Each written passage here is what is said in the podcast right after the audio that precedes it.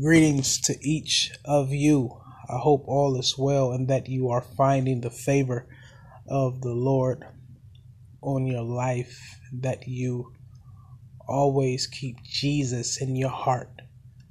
Um, that whatever it is that you are going through, you understand um, that God is the orchestrator and creator, which means that when we find ourselves in that which um, are unlikely or unwanted, uncertain circumstances, that we have a God that can pull us out.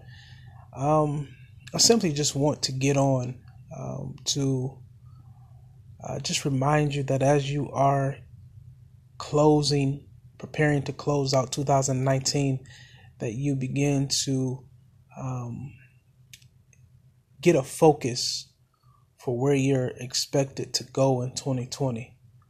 Uh, I know last uh, a lot of people see 2020 and people have been prophesizing you're going to have more vision than you ever had vision before or 22 2020 is clarity and it's it's clear I can see clearly now.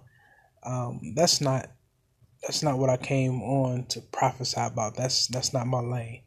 Um, I simply just want to remind you that focus is necessary in order for you to get um, further than you are right now.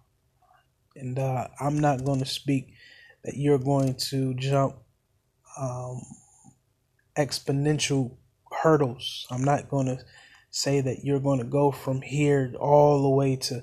No, I'm just saying if you want to ch- take small steps from getting from where you are now to to a place that you desire to be, focus is key developing the, the ability to have focus is the key.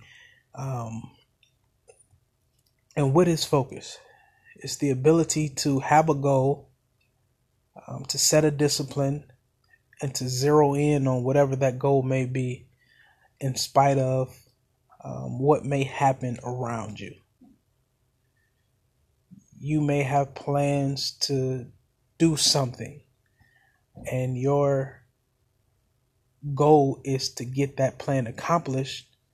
Um, but we live life, and in this life, things happen that have the ability to derail us or distract us from what we're going through. Therefore, it could keep us from getting to accomplish that goal. But focus is um, remaining poised and composed in spite of what your reality says. So it does not matter what's going on around you, you're still focused in.